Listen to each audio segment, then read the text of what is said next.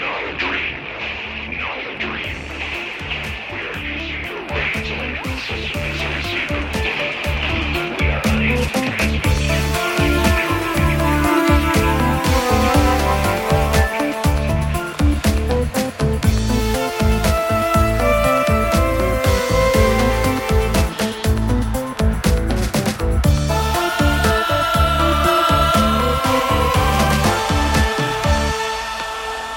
Det här är skräckfilmspodcasten Vacancy avsnitt 164 med mig Erik Nyström. Och med mig Magnus Johansson.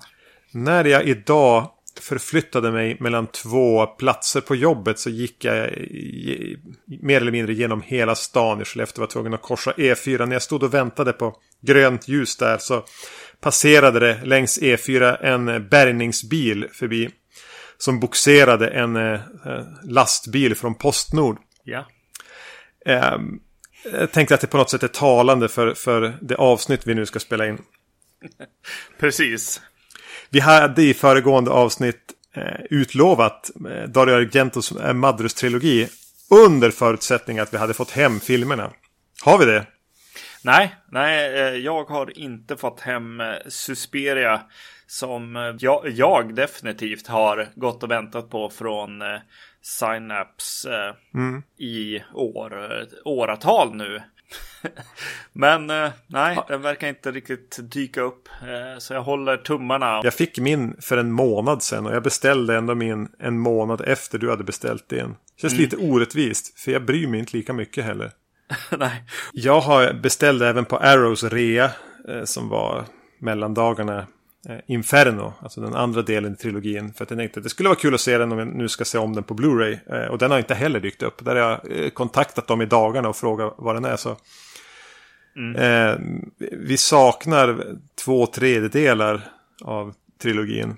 I alla fall i, i högupplöst format tillsammans. Ja, när vi ändå pratar om post måste jag ändå nämna också att jag fick eh, hem ett paket som, som stod att jag hade typ 440 kronors eh, tull på. Jag bara, Vad har du nu beställt för något? vad tusan har jag beställt? Och då tänkte jag, ja det skulle eventuellt kunna vara Susperia. Men eh, det visade sig vara något från en av de här Amazon-återförsäljarna. Eh, det var Exorcisten 3. Eh, och eh, den här återförsäljaren hade, hade flyttat ett eh, kommatecken på vad, vad paketet var värt. Så den var tydligen värd eh, 125 dollar. Oj, då har du betalat mycket för Exorcisten 3. Ja, så jag, jag, jag ska prata med den här återförsäljaren och se vad som går att göra. Jag har egentligen, alltså senaste 15 åren av mitt liv mer. Så har jag eh, beställt väldigt mycket film och skivor och böcker via internet. Alltså från olika obskyra återförsäljare. Och genom åren, alltså det är så få försändelser som har försvunnit att jag knappt ens kan komma ihåg. Jag har aldrig, aldrig upplevt att jag blev lurad eller att posten har slarvat bort någonting. Förrän i höstas. Alltså under hösten hade jag tre försändelser som försvann. Och nu har jag, förutom Inferno, även en, en bok jag beställt från Amazon. Någon återförsäljare där som inte har dykt upp. Så det är någon form av systemkollaps som pågår. Ett första tecken på en stundande apokalyps. Så är det nog. Eh, men alltså, ja, precis. Och då har vi inte fått Susperia. Men vi är ändå här för att prata om någonting. Ja, vi har inte tänkt sitta och gnälla över Postnord i, i 45 minuter. Nej, utan vi tog eh, lite avstamp i förra avsnittet. Eh, när vi började peta lite grann och prata om hur inspirerad John Carpenter var av framförallt The Stone Tapes. Och eh, du nämnde Prince of Darkness. Jag pratade mer om Halloween 3. Men eh, Halloween 3 har vi redan pratat om. Ja, det har vi gjort. Så att eh, vi har valt i dagens avsnitt att prata om Prince of Darkness från 1987. Och eh, till den så valde vi att se John Carpenters insats i ett av, eh, en av insatserna i Masters of Horror-serien.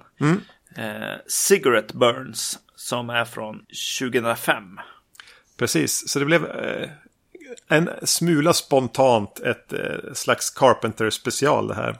I miniatyr. Precis. Eh, Lite eh, mörkt och apokalyptiskt eh, avsnitt också från honom.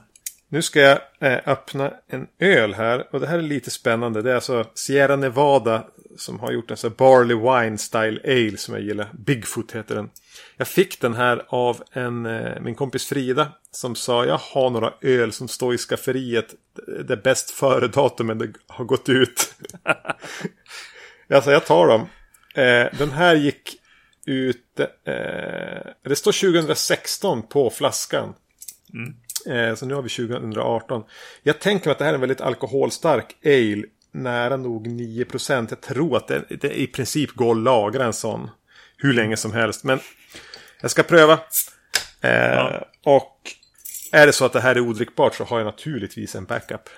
Eh, Det är bra. Jag dricker eh, Cola Zero för att eh, jag har redan druckit mina öl idag på en sån industri get together som vi i spelindustrin här i Stockholm har eh, ibland.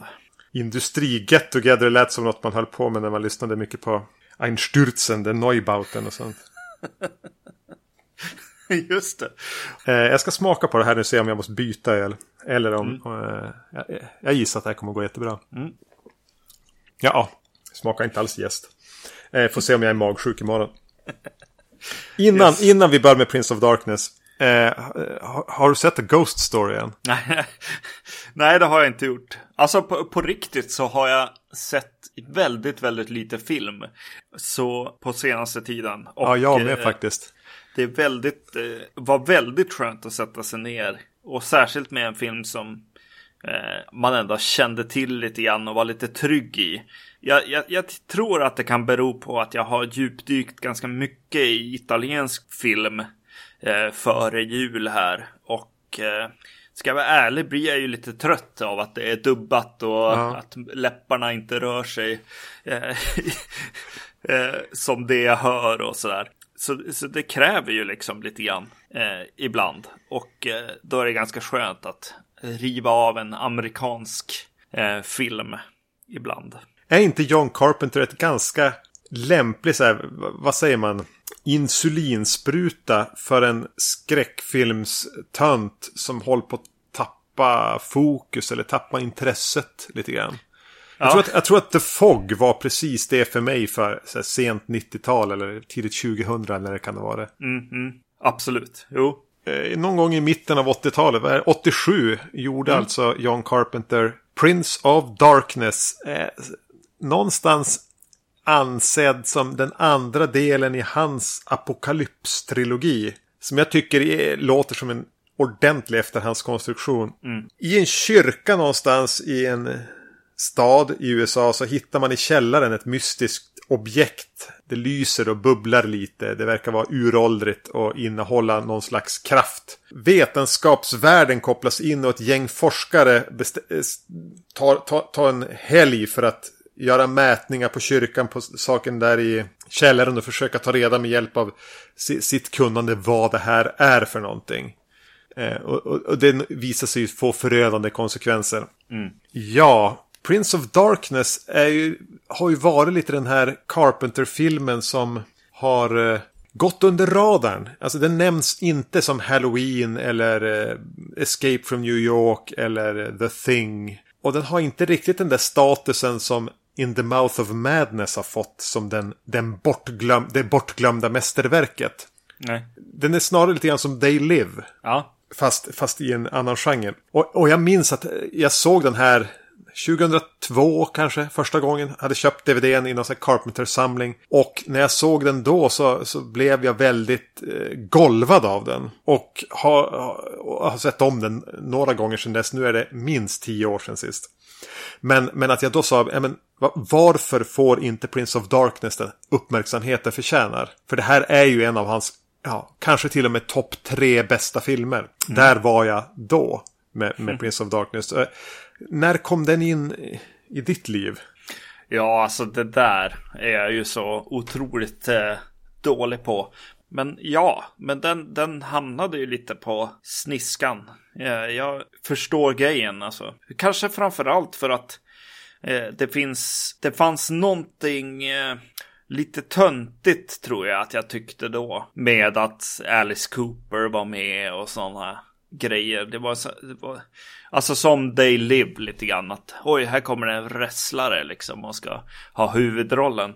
Och jag tror att, att Alice Cooper-grejen har nog gjort att För han är ju inte med mycket samtidigt. Nej, nej, precis. Men det var, det var någonting då. Men jag, jag gissar på att det, det, var i samma tillfälle där, där radiohits var typ Satan själv och sådär. Eh, Att man var, var ganska dömande sådär. För det, för det tycker jag ändå att Prince of Darkness, jag ska säga någonting om tonen med den, sticker ut lite grann mot mycket annat som jag tänker kommer i den här perioden på 80-talet. Här skulle skräckfilm vara lite rock'n'roll ändå. Nu är som sagt var Alice Cooper en, i med en liten, liten roll i den. Men att det skulle vara lite på skoj.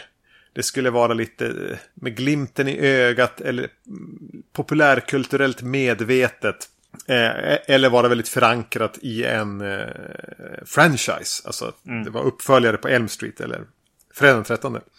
Medan Prince of Darkness har ju en väldigt seriös ton på något sätt. Alltså den är, den är väldigt allvarlig och vill, vill eh, ställa frågor om vetenskap och metafysik kontra någon slags tro eller en alternativ historieskrivning kring Bibeln och liknande. Och den, den har inte den här Kurt Russell-glimten i ögat som mycket annat som Carpenter har gjort har.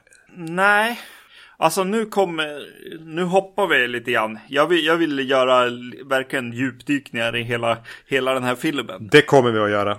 Men nu är du i någon slags eh, ton, rock'n'roll nämnde nu. Eh, Och eh, den här mörka tonen som du pratar om som finns i, i manus, i dialog, i bilder och så vidare. Nästan högtravande. Ja, i skräckfilmskyrkan så kommer jag svära här lite grann. Och eh, jag tycker att den tappar den tonen när det kommer till musiken i den här filmen. Eh, Jag, jag, jag tycker han har gjort en, en musik som, är, som har eh, foten alldeles för långt in i They Live eller Vampires nästan. Alltså att, att det är rock, eh, rockfarbrorn eh, John Carpenter. Han som man får i någon rolig eftertext liksom i vanliga fall. Ja, vad heter hans band? Ja, vad de nu heter. Men det, det, det känns lite mer eh, åt det hållet och eh, Du, du gillar inte alls musiken här eller? ne- nej, jag tycker att den tar mig ur, ur den här eh, tonen som jag vet och jag ser i övrigt i filmen. Utan eh, någon som jag verkligen så här skulle saknar här är typ Fabio Frizzi skulle ju ha gjort den här musiken. Ja, det, för jag får problem med tonen.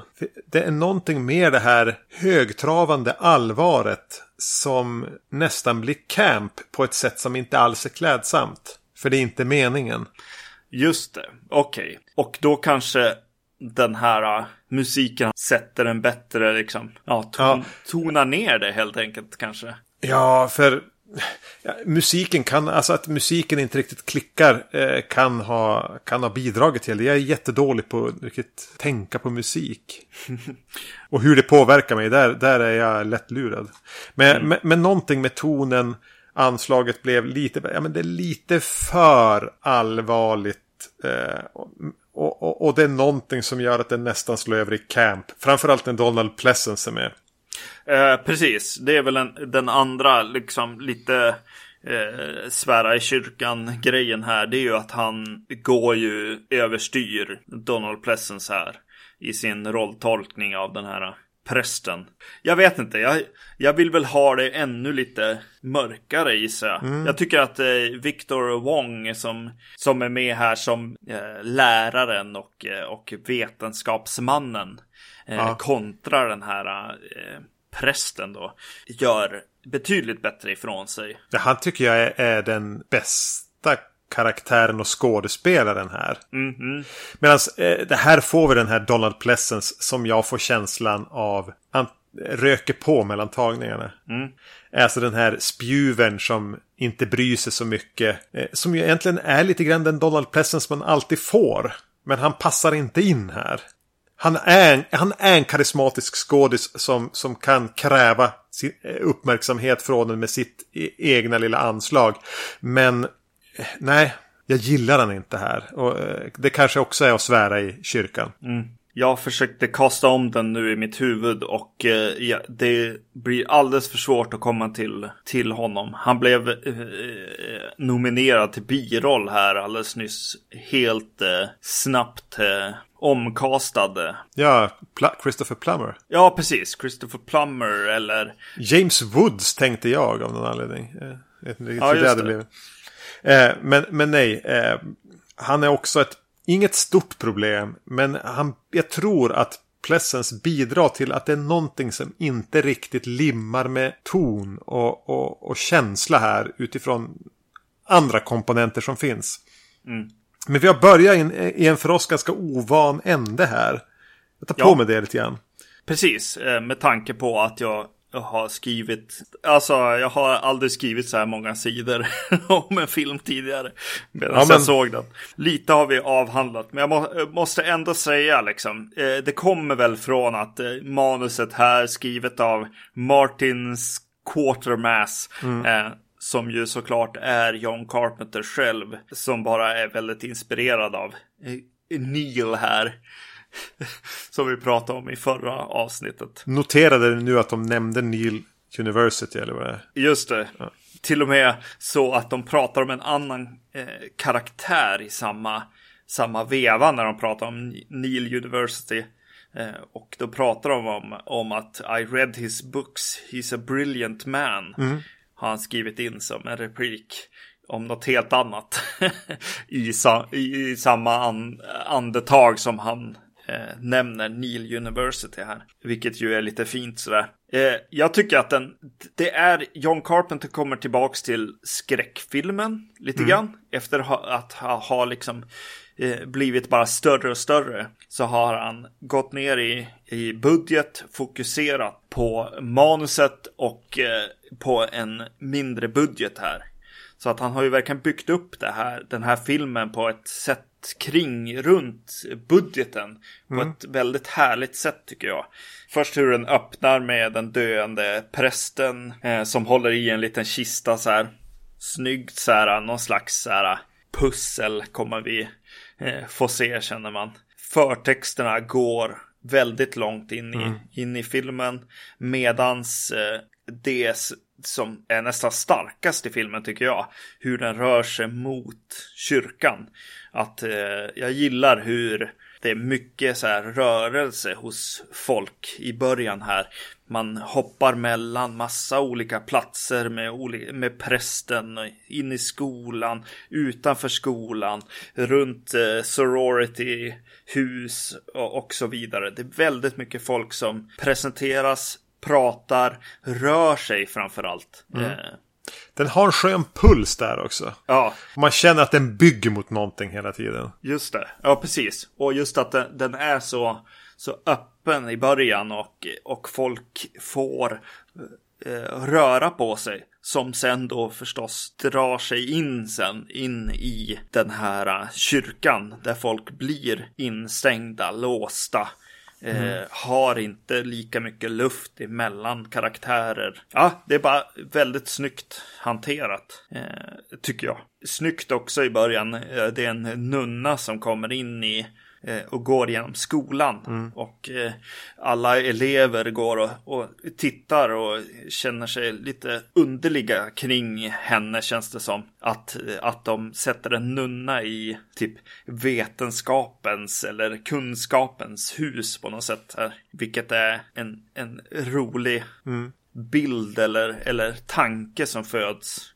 Just med att den här filmen handlar om religion möter vetenskapen helt enkelt.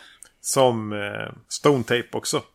Mm. Eh, eh, men här tidigt presenteras ju våran, våran huvudkaraktär spelad av eh, Jameson Parker. som var någon tv-serie kändis vid den här tiden. Vad jag har lyckats gräva fram. Jag har ingen aning om. Jag kan inte minnas att jag sett han i något annat. Tänkte du när han dök upp för första gången i bild att John Carpenter har castat någon som ser ut som han själv? Ja, så kan det vara. Jag, tr jag tror att John Carpenter också var fascinerad någonstans med att försöka ha the everyman i sina filmer. Eh, lite grann to a fault. Ja, framförallt här då. Va? här och The, They Live är också en sån här eh, film där det är så här b- blue collar eh, karaktär. Då tar han dit en wrestlare liksom. Jag känner lite, lite likadant här. Eh, Här är det ju en snubbe på, på college som är verkligen vilken snubbe som helst. Förutom att han är typ 40 och går på college. Men... Och är en jävla stalker! ja, han är ju stalker, ja precis. Han presenteras inte så trevligt. Nej. Han smyger efter någon tjej som han... Jag vet inte, de verkar ju aldrig ha, eh, prata med varandra eller ha någon kontakt. Utan att han tycker att hon är het. Ja. Så då smyger han efter och, och iakttar henne lite eh, surt när hon pratar med andra killar. Och, och det här är i den här rätt eh, tjusiga inledningen på filmen. Ja, precis. Till den grad att han står och väntar tills hon kommer ut ur sin, sin lägenhetskomplex där. Och han säger jättekonstiga saker till honom när han ändå lyckas komma nära henne. Ja, Det blir ju ett problem att jag tycker ju illa om den här Slow Joe in the back row.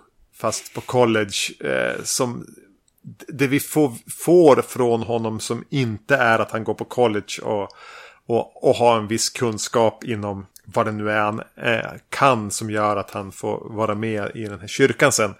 Är ju att han är ett stort jävla rövhål. Så, så man börjar lite snett där. ja, Men samtidigt tycker jag det blir ett tema i filmen.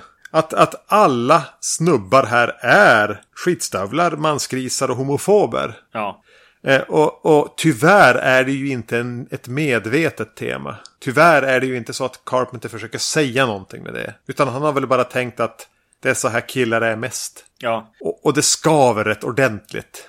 Hur de pratar med varandra, hur de pratar eh, om andra och... ja, Jag hade tungt med det vid den här sittningen. Jag kan inte minnas att jag tänkt på det tidigare.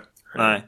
Jag kommer ihåg att, i förra avsnittet så pratade vi om The Stone Tape. Och pratade just om de här eh, vetenskapsmännen som, som eh, blir pojkar när de eh, hamnar tillsammans och börjar nästan brottas med varandra och sådär. Det, det är lite det här också. Eh, Men visst, Och- är det bara jag eller är det mer irriterande här? Ja, det är det. Han eh, går ju in 100% till att göra någon slags grabbiga grabbar på något sätt. Här blir det mer fratboy-känsla. Ja, och eh, kiveriet som sker liksom. Eh, det här vänliga eh, retstickedragen liksom. Går ju lite, ja, eh, de sitter inte helt rätt helt klart. Eh, den här skojeriet om eh, Walter, bland annat en, en karaktär som kommer in. Han eh, Är det Dennis Dunn eller? eh, från eh, eh, Big Trouble in Little China. Ja, som eh, retas lite om, om att han är gay. Eh, tack vare att han dejtar en... Ja, attorney, district attorney eller attorney student eller någonting. Ja, precis. Eh, och eh, sen visar det sig väl kanske att han ändå är gay kanske. Eller om man bara skojar vidare. Det, blir Nej, det vet man inte riktigt. Det blir mer oklart än, än ambivalent. Ja, och så sen att han själv också fortsätter om ja, skoja med kvinnorna där och sådär. Nej, nej, det blir, det blir lite konstigt. Ja, men Dennis Dunn är ju charmig i, i vad jag minns eh, Big Trouble in Little China. Nu blir jag rädd för att återvända till den filmen. Men här tyckte jag genuint illa om han. Både han, alltså huvudkaraktären är så på ett sätt samtidigt så bland att jag glömmer honom. Medan Dennis Dunn ska ju vara lite den roliga killen. Och lyckas vara så irriterande att jag tycker illa om han. Det, bör, det börjar bli en del problem här känner jag när vi, när vi pratar om Prince of Darkness. Att vi, vi känns inte jättenöjda hittills. Men, Nej, vi, nej. vi, vi, vi fortsätter. Ja, precis. Sen börjar ju den här liksom grejen med att de ska till det här. De blir egentligen tvingade eh, för credit i skolan, I guess. Eh, att vad det, följa med och övernatta där och göra lite eh, tester helt enkelt. Och eh, när den här huvudkaraktären börjar liksom. Ja, han ser någonting på tv om någon något väldigt högst vetenskapligt. Jag kommer inte ihåg vad det är de pratar om. Nej, men jag vet vad du menar. Men Ja, och sen så väljer kameran att gå liksom bakom bilden så att säga, bakom tvn. Och eh, visar att det kryper massor av myror. Eh, runt på tvn där bak liksom. vi är det här, på gam- tjock-tv, de här andnings, alltså ventilationshålen. Ja, det är ju supersnyggt. Alltså just, eh, ja vad ska man säga, metaforen eller vad man ska säga att, vad det, att bakom det som vi blir presenterade för och framförallt vetenskapliga saker. Om vi, om vi ser bortom det så finns det någonting eh, Som- läskigt och eh, onaturligt. Någonting som vi inte kan förklara. Nej, precis. Sen kanske det är en svensk referens, men det är lite roligt att det är myr, myrornas krig och hela den grejen också. Ja, jo, det tror jag blir mer en, en eh, efterhandsassociation. ja, yes.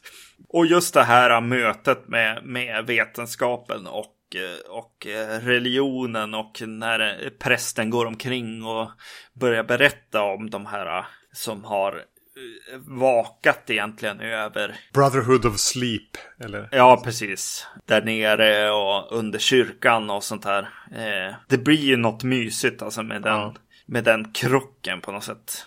Och- mycket bra stoff liksom för skräckfilm helt enkelt. Och det jag gillar är ju att de kastar in ganska många karaktärer i den här kyrkan. Och det här är inte en kyrka, tänk eh, någon stor gotisk katedral. Utan det här är mer en kyrka i ett getto. Eh, man tänker inte, det känns lika mycket som en församlingslokal. Eller The Wire, en, rec room eller någonting. Som man tänker kyrka. Den, hela platsen är ju rätt schysst och att den nästan sitter ihop med en byggnaden bredvid. Den har inte fått någon speciell plats utan den står som mitt i ett kvarter. Och de har byggt typ ett magasin bredvid. Som också ser slitet och härjat ut. Alltså hela den platsen är ju skitsnygg. Den, eh, hur de iscensätter det och hur de fyller hela den här kyrkan med folk. Eh, alltså i form av vetenskapsmän av olika typer. Som rör sig lite grann mellan våningarna och de sätter upp sina monitorer och skärmar och eh, knallar runt där och står och käbblar och pratar. Och, det, just den iscensättningen tror jag det jag gillar bäst med Prince of Darkness. Och, och att det får ta tid. Alltså att man, man låter det här pågå lite grann och konstiga saker börjar hända där och det är daggmaskar på fönstret och sånt där. Också eh, precis som Myran, en, en så här häftig bild jag gillar. Eh, och att det är någonting med, verkar vara kanske någon slags solförmörkelse på gång. Eller i alla fall så är månen märklig i förhållande till solen när de tittar upp mot himlen och sånt. Ja, det är nice. Ja. Ja. Ja. Det är väl lite av det här med gay-skämt, kvinnosyn och där kommer ju de här uteliggarna eller hemlösa liksom. Jag ser det Mm. också det som ett problem. Ja. Att man gör eh, uteliggar-zombies. Precis. Eh, och i princip eh, mot slutet av filmen så känns det lite grann som den nästan sätter likhetstecken mellan eh, maskarna, myrorna och eh, de hemlösa. Ja. Att, att eh, de svaga liksom. ja, det är någonting där som smakar jävligt konstigt i munnen. ja, eh, är de som påverkas först och sånt där. Och man bara, nej men herregud. Det här är ju, de är ju precis som, som ni jävla vetenskapsmän, as liksom. Eller då religiösa också för den delen, liksom så här höga hästar, folk liksom. Det hade behövts en tank, ett tankevarv till där och faktiskt göra det till en kommentar. Inte till bara någonting som känns risigt. Nej, precis. För det är ju inte så att, att det är någon som kastas av de höga hästarna på något Nej. sätt. Här, utan, utan han, han sitter ju själv på den, John Carpenter, och ser Ja. ner på de här människorna. Ja, han lyckas se ner på både vetenskapsmännen, på kyrkan och på de hemlösa. Ja, Och då har jag ändå alltid sett John Carpenter som en som kommer från underifrån. ja precis. Jo, Eh, Så här har han lite grann tappat kontakten med sina rötter eller, eller, eller vad? Ja, inte, precis. inte att han var en uteliggare men att han ändå hade någon eh, humanistiskt perspektiv. ja precis. Se bara på Day Live och annat. Ja, ja precis. Att han tappar bort sig lite grann här. I, Ja. han, han kanske skrev in sig för mycket i, i, i att han ville prata vetenskap kontra religion. Och tappade resten. Ja, precis. Jo.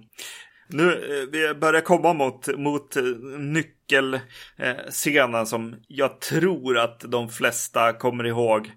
I alla fall i min värld så är det så att när Alice Cooper kommer och, och mördar någon med en cykel. En halv cykel. Det känns nästan som en som skulle finnas som en sån här GIF. Det Det verkar meme-stoff. Men nu när jag såg filmen så kände jag att så här, det här är så konstigt otrevligt på något sätt. Att det ändå funkar. Och här igen skulle jag nog säga att Fabio Frizzi eller någon annan som har gjort lite domedagsmusik eh, musik, eh, skulle ha passat eh, lite bättre till Ja. den här scenen så skulle det ha funkat betydligt bättre också. Ja, men likadant med, det, med, med nästa mord eller vad man ska säga. Där en karaktär vandrar ut ur kyrkan och får betala priset för det. Tycker jag också är ett... Där lutar sig ju Carpenter väldigt mycket mot Italien. Man får till och med se liksom en, en hand med en kniv som rör alltså, eh, mot en tegelvägg i några korta, korta halvsekunder.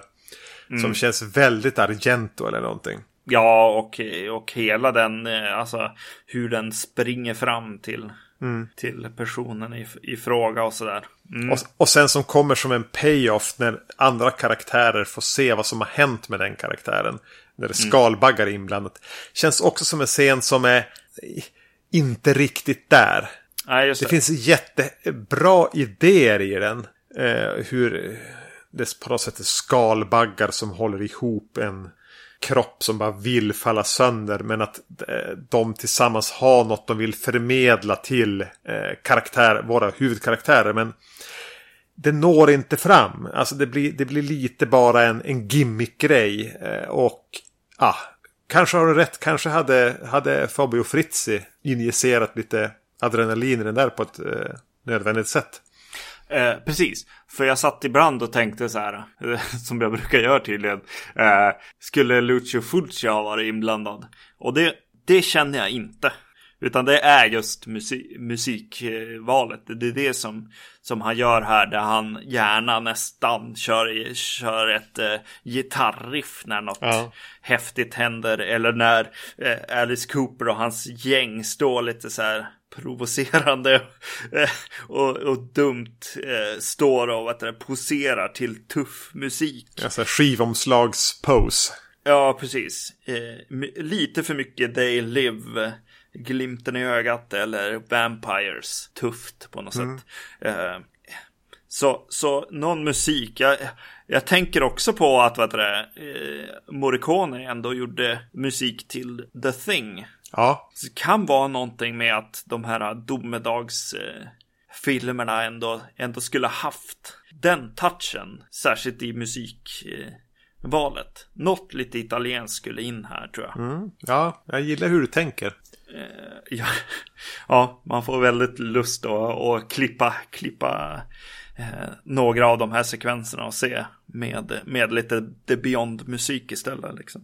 Det, det eskalerar ju här då och eh, folk blir liksom eh, påverkade av den här. Eh, Ondskan i källaren. Ja. Ja, precis. Exakt. Eh, via, alltså rent fysiskt. Lite grann som, som det som var bortklippt från eh, Evil Dead. Eh, när man såg den på svensk utgåva. Om man inte fattade överhuvudtaget hur de kunde bli besatta liksom. Eller bli de här deadites. Eh, och eh, ja, det finns ju här en, en, den här vätskan som eh, i princip sprutas in i munnen på folk. Ljusgrön och lite kackig effekt. Ja. Ja, eh, och jag tycker det är så synd på den skådespelerskan som de har valt att göra till huvud eh, här fr- i början framför allt. Hon är för dålig här helt enkelt.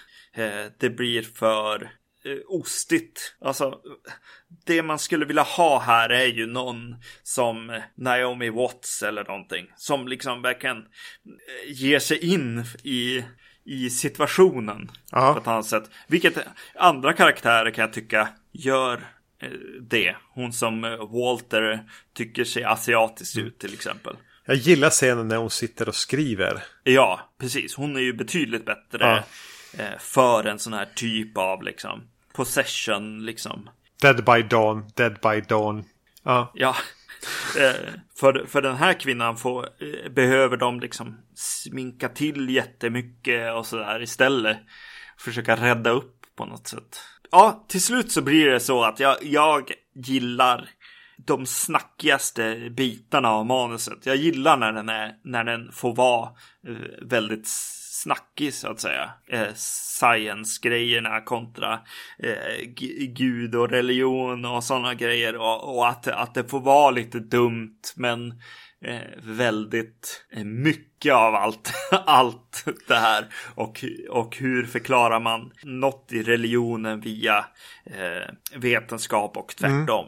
ja men det är på en sån här moviebox eh, nivå som är eh, också... Ja, men jag tycker det sitter. Ja, precis. Och, och där är Victor Wong väldigt viktig. Ja, definitivt. Han är, han är my- mycket, mycket bra där. Eh, jo, för, för en av anledningarna till det här, varför jag tycker att det är bättre där, eh, det är att det börjar kännas som att John Carpenter är ganska ointresserad av blod och gore. Lite grann. Ja, här är han ju det. Ja, det blir, det blir ointressant eh, istället då. Eh, när man hellre vill, vill höra lite för dju- djupa diskussioner eller vad man ska säga. Ja. Eh, mm. En, en cool, riktigt cool grej måste ju ändå nämnas och det är ju den här drömmen som Ja, ja, gud ja. Dit har vi inte hunnit än. Nej, precis. Som folk eh, får. Som verkar vara nästan som ett meddelande snarare än en dröm. Eh, det är Eh, bara superbra. Ja, ja, men det är bland det bästa med den här filmen. Ja, jag ja. minns att när jag såg den här för första gången, bara, men jag känner igen så väl. Det, det är som en brusig eh, dröm. Jag refererade den till i föregående avsnitt när jag pratade om The Stone Tape.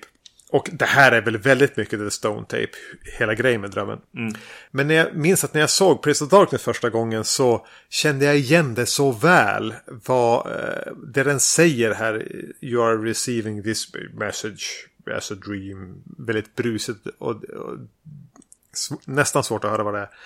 Tills eh, jag har i efterhand läst att eh, Marilyn Manson har tydligen samplat det på någon singel. Just det, jo.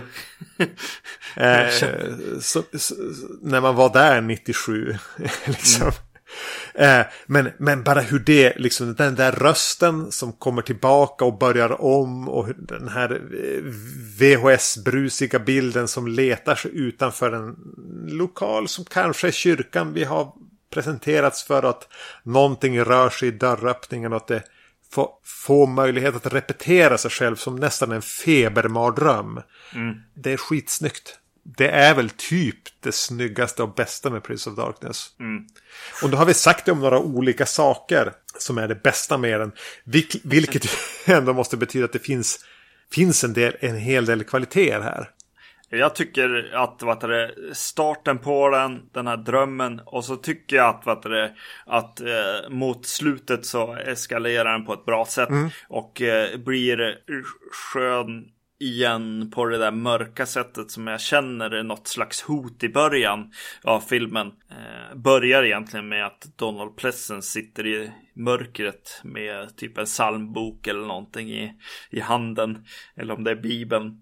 Därifrån så, så liksom när det eskalerar och ja, bland annat den här slemmiga köttkvinnan.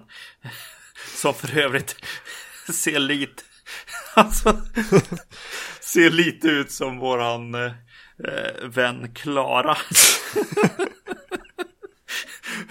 som att hon sitter, är där under masken på något sätt. Ja, samma frisyr och någonting med mimiken. Ja, jag förstår det. Ja. Ja. ja. Eh, det var väldigt internt det där. Men, Få som kommer att plocka upp på den. Men för det jag mindes när jag såg Prince of Darkness första gången var att jag blev rädd för den. Eh, Såg om den, blev kanske inte lika rädd. Såg den nu och blev inte alls rädd. Jag kunde eh, i viss mån fånga upp delar av det som ändå kunde skrämma mig. Det var lite den här oförutsägbarheten. Att, att någonting ont som är i görningen här kan sätta naturlagar ur spel i princip. Och att den blir väldigt klaustrofobisk. Men, men den här gången blev den, den, den halkade ner ordentligt många snäpp för mig i någon Carpenter-hierarki nu. Men, men, men det är inte så att jag inte uppskattar den. nej. Det här är väl en film som har väldigt många brister men väldigt många styrkor. Och det tar ihop sig i någonting. Om man sen gillar det eller inte gillar det. Det är lite så här en, en slantsingling. Eh, och, och jag är väl ändå där att jag är ändå... Jag tycker om att vara i den här filmen. Men jag blir irriterad som fan på flera saker. Ja, precis. Eh, jag, jag tycker att den är, är eh, snyggt liksom hanterad. Och det är kanske därför man blir extra så här bara, åh nej John. Vad gjorde du nu? Eh, när det kommer sådana dialog och annat som, som är, är väldigt tråkig helt enkelt. Medans liksom pacing, eller strukturen liksom och det den pratar om eh, i övrigt. Eh, och eh, ja, den här eh, apokalyptiska känslan liksom Ja. som ändå som man lämnas med från Ja, den här verkligen. filmen är ju, är ju väldigt snyggt eh, hanterat definitivt. Eh, och eh, ja, det finns en till grej som, som faktiskt kommer tillbaka i, i Cigarette Burns. En notering här som jag har gjort. Ta inte självmord framför mig, tack. det är någonting som är jävligt otrevligt med flera människor som måste stå och se någon ta livet av sig liksom. Det hoppas du att man slipper. Ja, precis. Det blir, det blir lite chockerande liksom. Och eh, jobbigt. För det är någonting som säkert händer då och då. Ja, o ja. Eh, ja, så peppen. En, en lite brandfilt över den. Men jag är väldigt, eh, väldigt mycket blandade känslor. Men jag tycker ändå att det här är någonting man ska se. Eh, alltså det finns ju, alltså det. Och avsaknaden av Dean Candy. Alltså Ja. det finns ju saker som. Som är lite, lite, lite sämre här bara. Ja. Helt enkelt också. Jag tänker lite tanken på det här att en, en regissör som har haft flera framgångar som Carpenter hade haft eh, här under sent 70 men framförallt tidigt 80 brukar ju leda till att man säljer ut sig och hamnar i en sån här eh, där man låter andra tycka för mycket till slut. I, I jakten på dollar. Medan här är känslan att han har då valt att backa bandet och hamna i en situation där han har fått för, det har varit för få personer som har sagt åt honom vad han in, borde och inte borde göra. Och han har tappat lite kontrollen över det. Men vi kanske inte ska hänga upp oss längre vid Prince of Darkness. Eh, vi har pratat väldigt länge om den känner jag. Det fanns tydligen mycket att säga här. Ja, Vilket kanske är bra med tanke på att vi ska prata om ett avsnitt av en tv-serie härnäst. precis. Vilket är lite ironiskt att det, att, att det handlar om en person på jakt efter en film. Vilket det här, hela det här avsnittet är väl egentligen i, att vi har varit på jakt efter en film som vi aldrig fick tag i. Eh, Cigarette Burns, vad sa du, 2005? Ja. Vi har tidigare pratat om en Masters of Horror-film och det var Imprints av Takashi Miike. Det var, var länge sedan. Eh, vilket väl på något sätt säger någonting om hur ajour vi håller oss med inom tv-seriebranschen. För Masters of Horror var det som då lanserades som ett... Ja, men vi tar tillbaka alla de här gamla Carpenter, Hooper och Takashi Miike kom in och eh, Joe Dante gjorde väl också någon. Don Coscarelli kom in och gjorde avsnitt i en tv-serie där de fick lite frihet. Eh, åtminstone var det det som sades och eh, de kunde vräka på med blodet för det var ingenting som skulle gå efter vänner i tablån. Nej. Och det här har ju väl mer eller mindre blivit vardagsmat nu. Men 2005 var det lite nyare. Mm. Tv-seriebranschen var inte riktigt, riktigt lika där den är nu. Nej. Eh, men The Cigarette Burns handlar om är alltså en eh, han är privatbiografägare som eh, även verkar vara duktig på att nosa upp eh, obskyra filmer som har fallit lite i glömska eller där det bara kanske finns några få kopior kvar. Han får i uppdrag av en excentrisk eh, miljonär som också är en filmsamlare att leta rätt på en viss specifik film som har ett väldigt notoriskt rykte eftersom de som såg den vid den enda officiella visningen där uppstod i princip en massaker. Eh, och han ger sig ut på jakt efter den här filmen åt den här miljonären. Filmen som han letar efter heter eh, La fin absolutement. Eh, det är en fransk titel. Le fin absolutement. Som betyder typ det absoluta slutet på världen eller någonting. En mm. tafflig översättning. Mm. Yes. Eh, vågar försöka förmå dig att backa till att säga någonting om dina minnen av eh, Cigarette Burns? Ja, det kan du eh, definitivt göra. Eh, jag minns den här filmen som en liten eh, chock. Precis som jag känner att eh, Sleepless är för Dario Argento. Det är en, en, en eh, regissör som har tappat eh, glöden på något sätt som eh, folk i allmänhet känner, ja men han kan väl lika gärna lägga ner liksom. Och eh, här så kände jag när jag såg den 2005 att så här, shit, John Carpenter kan ju fortfarande. Och eh, tyckte väldigt mycket om den här filmen då, vet jag. Det jag minns var att jag följde på något sätt. Det här var på tiden när jag så fulsåg saker. Så jag laddade ner dem. Att de släpptes lite eftersom de här avsnitten. Eftersom det var tv. Att man såg en del. Man såg några avsnitt. Man försökte kanske mer tycka om Masters of Horror-avsnitten. än man faktiskt gjorde. Eh, och så helt plötsligt kommer det här avsnittet där man, eh, som jag minns det, tyckte oj det här var ju bra och jag blev lite rädd. Och det var John Carpenter som hade gjort det. Det var nästan den tredje reaktionen. Ja, Ja, Efter att ha kämpat efter att ha hittat det man skulle tycka om med dem tidigare. Det här kommer senare i säsongen, som jag minns det. Eh, Och jag tror inte jag har sett om det sedan den, sedan den tittningen. Vilket då måste ha varit 2005 eller 2006 möjligtvis. Eh, jag vet att jag köpte den på DVD så, så fort de blev tillgängliga styckvis de här avsnitten. Och så har den stått där i hyllan i min Carpenter-samling. Och tänkt Ja. att den där ska jag se om och så ska jag se om den med kommentarspår. Och så har jag aldrig gjort det. nej. Så, så, så det var ju väldigt god anledning eh, att göra det här avsnittet kände jag. Mm, ja. Norman eh, Reedus eh, spelar eh, mannen som letar efter eh, den här filmen som får uppdraget. Han är väl... Jag tänker på den, eh, de, en av de två säsonger av eh, The Walking Dead som jag sett där han med. Ja, han, ja, han är ju jättestor där. Det han väl var känd för vid tillfället var ju den här Boondock Saints va? Ja, jag har sett den men Nej, jag kommer inte ihåg den jag kommer inte ihåg någonting. Nej, nej. Eh, ja, han får ju ett uppdrag av Udo Kier. Ja, precis. Bara för att reta oss ytterligare med Suspiria här. Precis. Ja, eh, jag gillade Norman Reedus li lite mer efter att ha sett lite extra material på Masters of Horror. För han refererade till Udo Kier som, som eh, snubben som är med i Suspiria. eh, det gillade jag. Jag Fick pluspoäng där.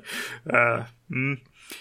Udo Kiers karaktär är ju eh, Udo Kier helt enkelt. Ja, eh, det är ju Udo Kier som han är och hälsar på. ja. Eh, väldigt eh, e- excentrisk eh, filmsamlare eh, samlare som har och eh, rik, rik eh, man som har eh, snöat in i den här eh, filmen då och samlar på affischer och rekvisita från eh, Ja. filmen. Eh, där, där bland annat då först får man presenteras för två typ änglavingar som han har som rekvisita. Eh, men i bredvid hans kontor så har han ju också ängeln eh, som vingarna satt på en gång i tiden. Ja, Eh, fastkedjad vid en, en roterande liksom display. men vad... vad, vad eh, jag, jag, jag mindes inte mycket av den här filmen ska jag säga. Men vad, vad, tänkte du om det? Det, det när den här äng, eh, liksom, vad ska man säga, avvingade ängeln presenteras. Eh, ja, Vid den här, alltså, alltså det här är fem till tio minuter in i den här timmes långa filmen. Eh, pro- problemet med det är ju eh, Norman Reedus reaktion på det. Han, har, han har inte börjat liksom eh, bli, han är inte så jäkla intresserad av den här filmen innan. Han vet, han vet vilken det är. Och eh, det är väl lite häftigt att försöka söka efter den mest liksom ob- obskyra filmen som, som finns egentligen. Eh, men att sen se någon, se en ängel fastkedjad liksom, är ju något man kanske reagerar lite starkare på. Men han blir ju lite, eh, ja, det, det är lite svårt just i, i den scenen. Sen kanske man, man får lite av hans mörker liksom presenterat efteråt. Men det är lite svårt i den scenen. Men Udo Kier säljer det ju, tycker jag. Han är ju den personen som har den här personen. Eller den här ängeln. Jo, han liksom, kan ju fast- sälja vad som helst till en på något vis. Att han, han, ja. För mig, för, för mig blev det ett litet problem i och med att jag tänker mig att filmen eh, Cigarette Bird ska vara den här virveln som drar ner en. Ett, ja men okej, det börjar med att jag ska göra. Jag har gjort liknande jobb tidigare. Det här är nog det svåraste jobbet. Men för den här är en riktigt obskyr film. Men Ja, och att det sen ska eh, liksom öppnas en nivå efter nivå av mörker på jakt efter den här filmen. Mm. Men att det då öppnas sig som en nivå av knasighet så tidigt. Blir, det stör mig lite grann. Och jag, jag ser inte riktigt att det ger mig hur de väljer att knyta ihop saker i slutet är inte en tillräcklig belöning för att jag har fått veta efter bara några minuter att, att Udo Kier har en eh, avvingad ängel i, i anslutning till sitt eget kontor. Det är någonting som borde ha kommit lite senare. Ja. Ja. den den eh, eskalerar inte, eller vad man ska säga, den här filmen. Utan den, den, eller den gör ju det väldigt, väldigt snabbt. Och sen får den ta några steg tillbaka och börja. Ja, men så här, så här då. Ja. Tänk så här. eh, och så kommer man dit, tillbaks dit där man köper det här kanske. Lite mer i, eftersom. Så det är lite konstig struktur här kan man känna. Jo, så är det ju. För det den gör sen filmen är ju att följa Readers karaktär här som följer, ja men den personen kanske vet var du kan få tag i den.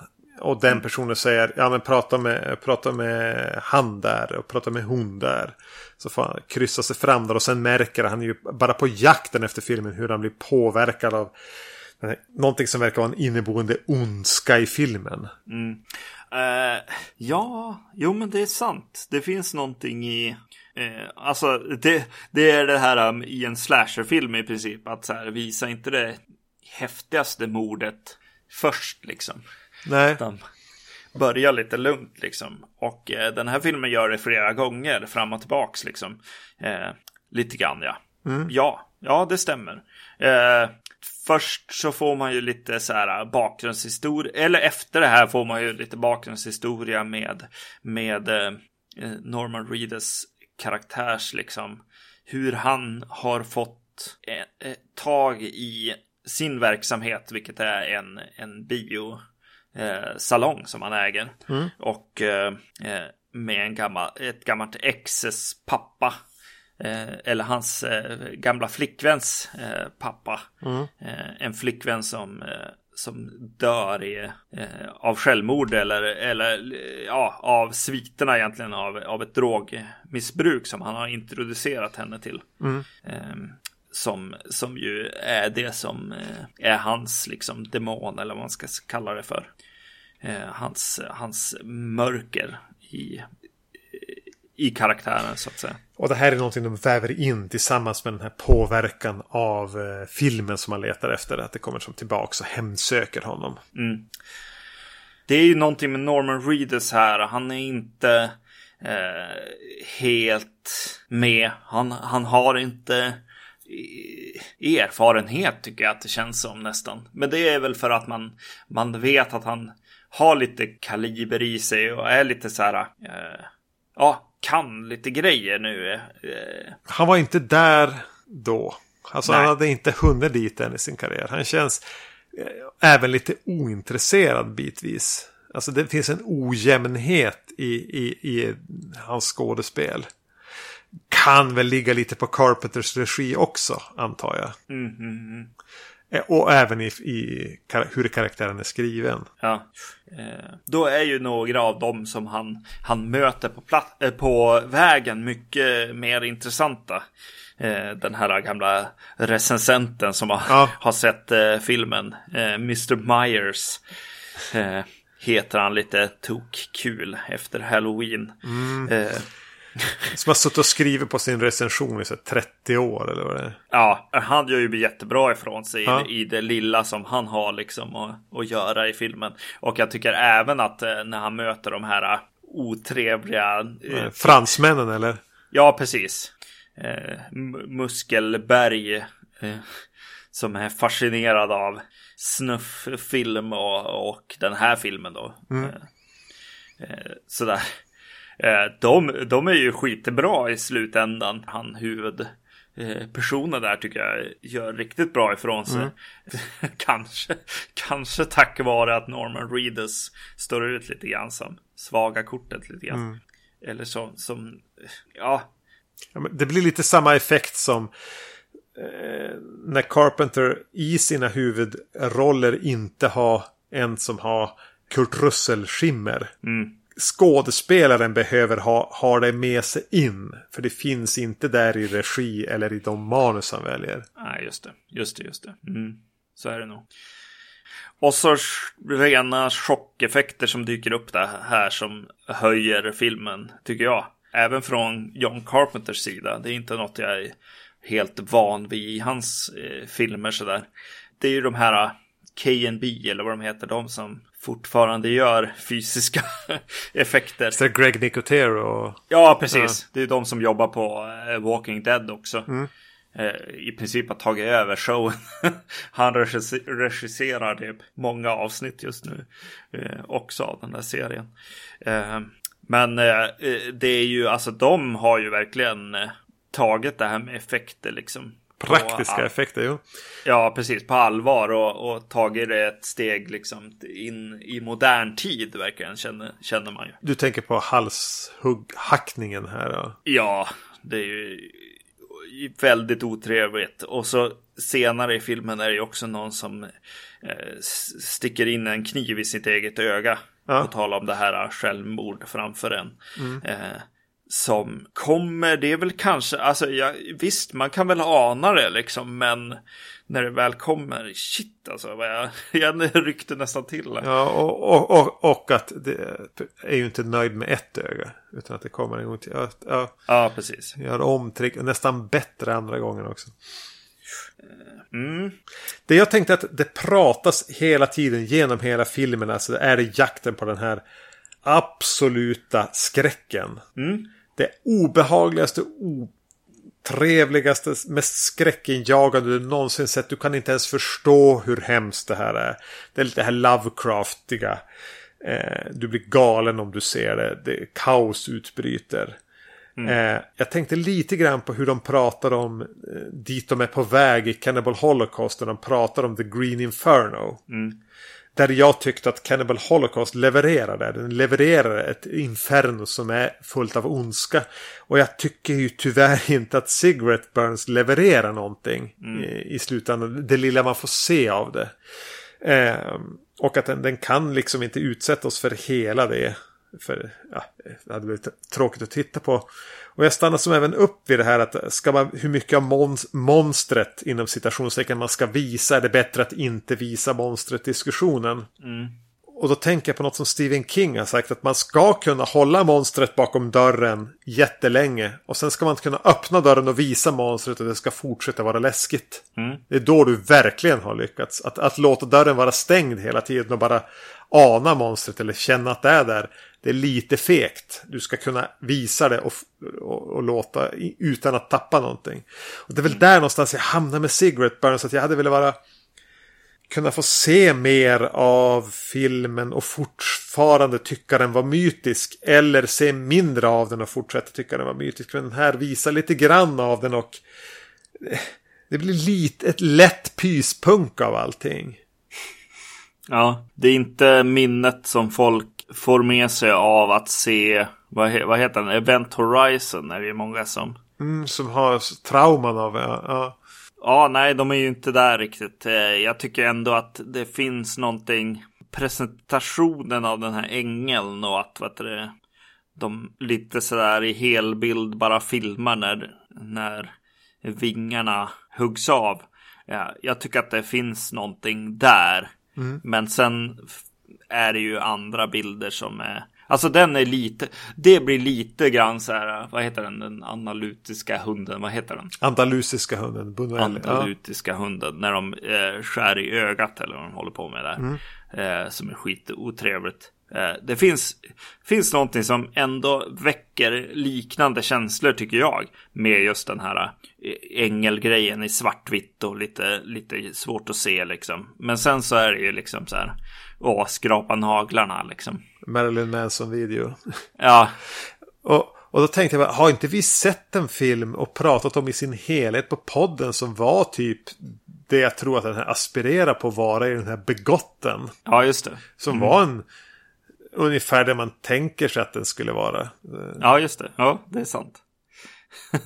ja, jag, jag kände lite grann, eh, framförallt när jag inser och har hört bland annat på Mick Garris, han är, har ju producerat den här eh, på hans podcast, att det, att det, det är ganska, det är snabb, snabb eh, turnaround på de här eh, avsnitten liksom. Ja, Du har, har inte mycket tid där uppe i Kanada att göra de här filmerna. Eh, det kändes lite grann som att, att oj, kommer jag få se lånade shots här liksom eh, mot slutet. Men nej, de verkar ju ha producerat dem också, eh, vilket kanske de skulle bara ha, ha köpt lite bilder från Begotten eller något. jo, det där är lite för snabbt producerat för att riktigt ge någon umf på det lilla man får se. När, när den har snackats om i 45 minuter. Ja, Men som, som hur den studsade tillbaka på mig nu, eh, Cigarette Burn, så bara nej, den var långt ifrån eh, det jag mindes av den. Eh, den har en lite så skön, mörk, molande detektivkänsla där, som blir lite stämningsfull ändå. Eh, det är ju Cody Carpenter som har gjort musiken. Eh, något, något lite så här pappa rip-off plinkande som, ja men visst. Och hur det sen får mullra på i bakgrunden och lite mer på så här lynchnivåer. Jag tycker det är rätt bra hur egentligen bara hur den är fotad och ihopsatt. Äh, utan, att, utan att ta uppmärksamheten till formen är ganska snyggt. Medan så att jag blir lite uttråkad av, av, av den här detektivhistorien och snacket om något som ska vara så hemskt. Och, och de här lite fumliga cigarette burnsen som kommer in i bilden som jag tror var bland annat det som gjorde mig så nervig när jag såg den förra gången som inte alls hade någon effekt på mig nu. Och, och att den ändå bara 2005 så att jag så tänkte 2006 alltså att den kändes nästan äldre än så. Jag tänkte att det här kändes som något lyck, alltså som en, en komprimerad version av en film som hade varit gått, och, gått direkt till video på 90-talet. Som ett lite lyxskott då. Att det här var ju lite bättre än, än Children of the Corn 6. Men eh, bara nå- någonting sånt. Ja, precis. Ja, alltså precis som eh, min referens till Sleepless, eh, Dario Argentos film. Det är ju inte hans bästa film fortfarande. Ganska långt Eh, därifrån. Ja, men liksom att gå genom Village of the Damned, Escape from LA, Vampires, Ghost of Bars. Att komma hit tycker jag nog fortfarande är en glimt av en, en, en, ja, gamla John Carpenter. Eh, fast på en med lite sämre manus, tid, liksom. Ja, den är lite för kort för sitt eget bästa, men ändå för lång. Ja, jag hade ju inte velat se det här utkavlat i en halvtimme till. Nej, precis. Nej, och så är den lite konstigt strukturerad, ja. Eh, med sina scares och eh, eskaleringen är inte där egentligen. Utan den hoppar fram och tillbaks liksom. Eh, vilket på ett sätt blir lite otrevligt också. Kan jag känna. Eh, jag tyckte nog fortfarande att det kändes så här. Ja, det här, var, det här är ändå, ändå rätt bra alltså. det är definitivt bättre Alltså fortfarande än, än hans nästa episod. Ja, pro-life-grejen där ja. Ja, precis. Och jag tror ju att det definitivt skulle sticka ut som den bästa Masters of Horror-episoden. Om man såg allihop. Mm, Men jag vet inte riktigt hur mycket det säger heller. Nej. Men, ja, men jag, jag, hade, jag, jag var inte arg på den. Alltså, den. Den kunde få passera. Ja, ja, Jag gillar Udokir, det kommer kommer man väl alltid göra. absolut. Eh, skriven bland annat av en, en filmrecensent va? Från Ain't It Cool News. Jaså, ja ja. Ja, yes. Det var, blev en liten Carpenter special sådär från ingenstans. I, i, ehm, ni får gärna återkoppla till oss vad ni tyckte om det. På, på Facebook eller på podcastetvacancy.se eller på vacancy.se. Ja, det be eh, betyder ju också att vi vet inte riktigt vad, vad som kommer i nästa avsnitt. Vi har idéer och tankar eh, och förhoppningar om att det blir eh, Dario Argentos Suspiria bland annat. Men eh, det får vi se. Ja, ha det bra. Hej! Hej.